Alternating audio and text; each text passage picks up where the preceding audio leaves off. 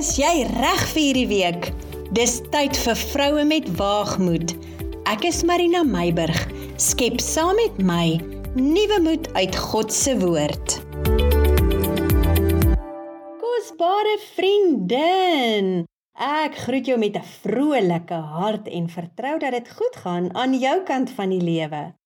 Ons kuier vandag saam met die Samaritaanse vrou en lees van haar in Johannes 4. Kom ek skets gou vir jou die agtergrond van haar verhaal.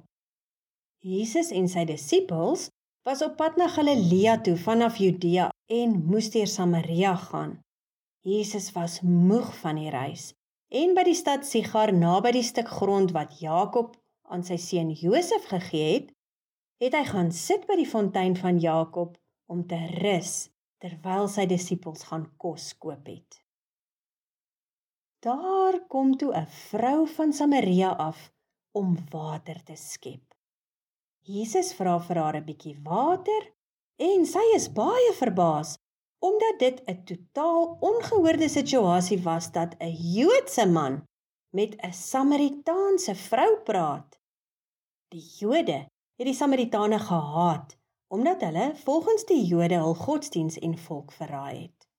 Om die prentjie vir jou verder in te kleer, het hierdie vrou haar tydsberekening so gekies dat sy nie ander vroue by die put moes raakloop nie waarskynlik weens haar leefstyl soos wat dit vanuit haar gesprek met Jesus na vore kom omdat sy nie goeie sedes gehad het nie.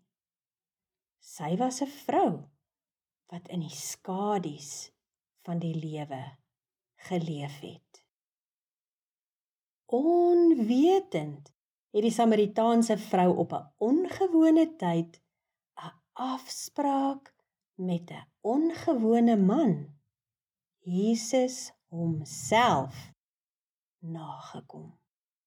Vir Jesus maak die ras of die sondige lewe van 'n mens geen verskil nie.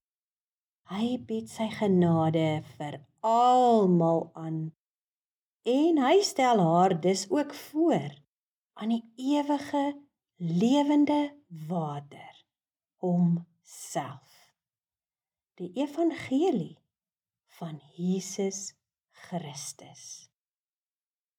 Die water wat nie haar fisieke dors les nie maar haar eerstens van haar geestelike nood bewus maak en dan 'n borrelende fontein in haar binneste laat losbars. Wat gebeur met hierdie vrou? Aanvanklik het sy skelmpies na die put toe gekom om water te skep sodat sy die ander vroue kan vermy. Nadat sy 'n wederbare nuwe lewe in Christus ontvang het, verander die water van die lewe wat net Jesus Christus kan bied haar in 'n evangelis. Die lewende water borrel uit hierdie nuut herskepte vrou. Voorheen was sy geestelik 'n droë put, maar nou is sy 'n borrelende fontein. Sy los haar kruik net daar en hardloop vol van waagmoed Samaria toe. Ek glo almal het presies geweet wie hierdie vrou is. En skielik kom sy aangehardloop met die boodskap van Jesus Christus terwyl almal onmiddellik die verskil in haar lewe kan raak sien. Mense het haar geken as 'n skadu vrou en skielik borrel sy oor van Jesus. Dit kan nie anders wees as om mense se nuuskierigheid te prikkel nie en baie van die Samaritane uit die stad het na Jesus gegaan. Johannes 4 vers 39 sê en baie van die Samaritane uit hierdie stad het in hom geglo oor die woord van die vrou wat getuig het. Die Samaritane het eintlik by Jesus, 'n Jood, aangedring om by hulle oor te bly en dan bly ook vir 2 dae daar. Vers 41 en 42 sluit die verhaal af met en baie meer het op grond van sy woord geglo en aan die vrou gesê: "Ons glo nie meer op grond van wat jy gesê het nie, want ons het self gehoor en ons weet dat hy waarlik die Christus, die saligmaker van die wêreld is." Van straatvrou na evangelis. 'n Vrou wat deur God binne in waagmoed in herskep is. Van wegkruip en in die skadu's leef het daar niks oorgebly toe sy Jesus ontmoet het nie. Met die borrelende hart van 'n evangelis was sy die werktuig wat nie net haar stad aan die evangelie van Jesus Christus blootgestel het nie, Maar deur haar handeling het sy ook die brug gebou wat die muur tussen Jode en Samaritane oorgesteek het sodat baie Samaritane tot geloof in Jesus Christus kon kom. Wat 'n inspirerende verhaal. Vriendin, soveel kere het ek en jy al getuienisse gehoor van mense wat soos die Samaritaanse vrou onbeplant en onwetend afspraak met Jesus nagekom het. Ons almal het 'n afspraak met hom en dit maak nie saak hoe ver ons van hom af weghardloop nie, hoe diep ons in sonde verval het of hoe afgestomp en dood ons geestelike lewe is nie. Onbeplant en onwetend sal ons vir daardie afspraak opdaag. Weet jy, hierdie verhaal is vir my soos 'n muntstuk met twee kante.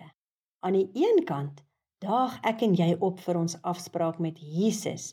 En aan die ander kant is Jesus se gesindheid wat nie onderskeid tref tussen mense nie en selfs in sy moe toestand gereed is om 'n siel wat dors het te bedien met lewende water vir jou en my 'n aanmoediging om altyd gereed te wees om wie ook al God op ons pad stuur te ontvang en met sy lewende water die evangelie van Jesus Christus te bedien.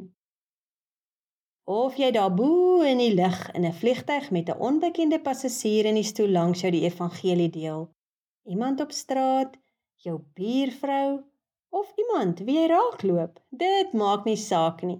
Die gesindheid van Jesus is altyd gereed om lewende water te gee aan 'n droë put sodat dit 'n lewende borrelende fontein in God se koninkryk kan word.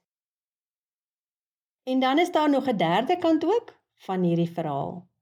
Wanneer Jesus jou lewe nuut gemaak het, moet ons met 'n hart vol van waagmoed 'n borrelende fontein wees wat die evangelie aan ander bring. Vriendin, vandag los ek en die Samaritaanse vrou jou met hierdie drie gedagtes. Almal dag op vir al afspraak met Jesus.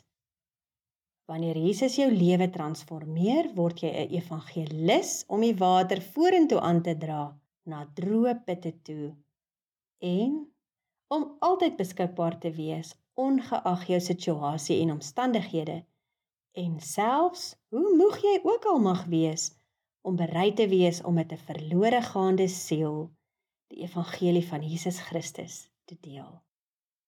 Mag jy 'n fantastiese week hê en aktief water aandra in die lewensakker waar God jou geplaas het. Ek groet en seën jou vandag met Jesaja 58 vers 11. Ek pas dit so bietjie aan. Mag die Here jou gedurig deurlei en jou siel versadig in dor plekke en jou gebeente sterk maak. En mag jy wees soos 'n tuin wat goed besproei is en soos 'n fontein van waters waarvan die water nooit teleurstel nie. Ons kuier volgende week verder.